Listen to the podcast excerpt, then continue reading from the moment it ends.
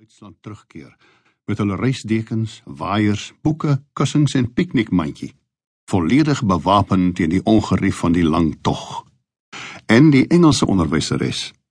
Vroeg tydens die reis het hy uit sy onrustige eilende slaap wakker geskrik en gesien dat sy na hom toe leun om hom haar flesie vlugsout aan te bied. Haar oë effens bekommerd op sy gesig. Die Joodse dame dring daarop aan dat hy een van hulle kussings agter sy kop moet neem.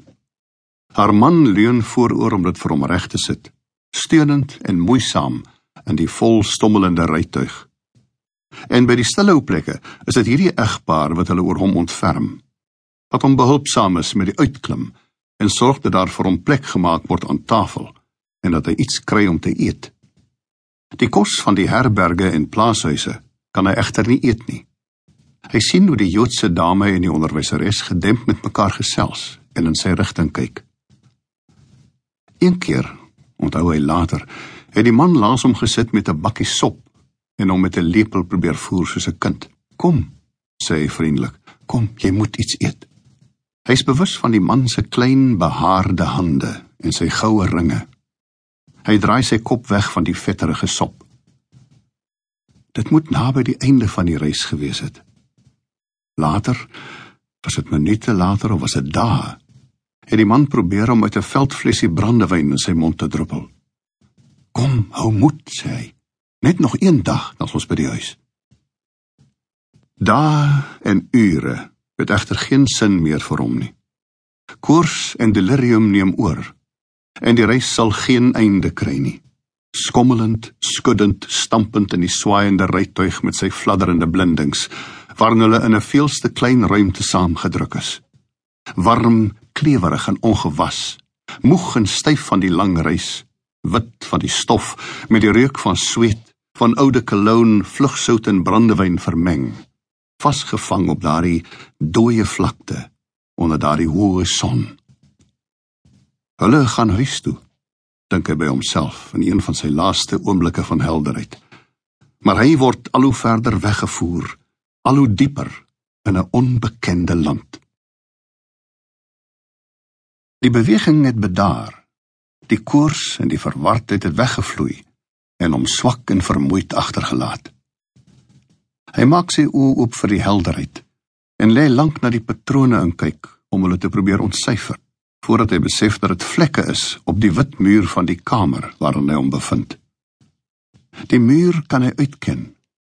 En stadig begin hy 'n verkenningstog deur die kamer.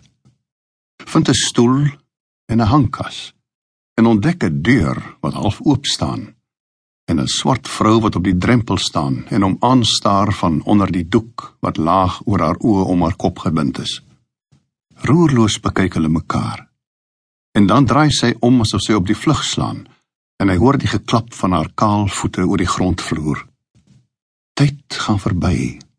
Hy slaap en word weer wakker, sien die wit muur en die deur en 'n vrou wat daar staan. 'n blanke vrou met 'n voorskoot voor en haar hare in 'n stywe bolletjie vasgedraai, wat hom agterdogtig aankyk en dan met huiwering naderkom na die bed, met die voorskoot effens voor haar opgelig as beskerming. Wat sy sê, kan hy nie verstaan nie. Haar woorde te gelykertyd vertroud en vreemd. En dit duur 'n tyd voordat hy besef dat dit Nederlands is waarin sy hom aanspreek, maar met 'n swaar Duitse aksent. "Is u wakker?" Vra sy bang. En hy knik. Maar dit is alwaartoe hy in staat is. En dan dryf hy weer terug in bewusteloosheid. Die patrone op die muur het verander wanneer hy weer daarna kyk. Want 'n kers brand op die kassie langs die bed en werp skadu's op die onreëlmatige pleisterwerk. 'n Kort, bebaarde mannetjie met 'n bril staan by hom terwyl hy iets in 'n leertassie terugstop. "So," merk hy op. Jy het na ons midde teruggekeer. Hm, hoe voel jy? Swak, antwoord hy. En sy stem is waarskynlik te sag om hoorbaar te wees. Die dokter, want die man is klaarblyklik 'n dokter, grom net by homself.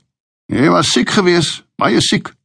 Wat het jou besiel om in jou toestand op reis te gaan? Jy behoort by die huis te wees onder die sorg van jou eie dokter, nie besig om hier in die binneland van Afrika rond te doel nie.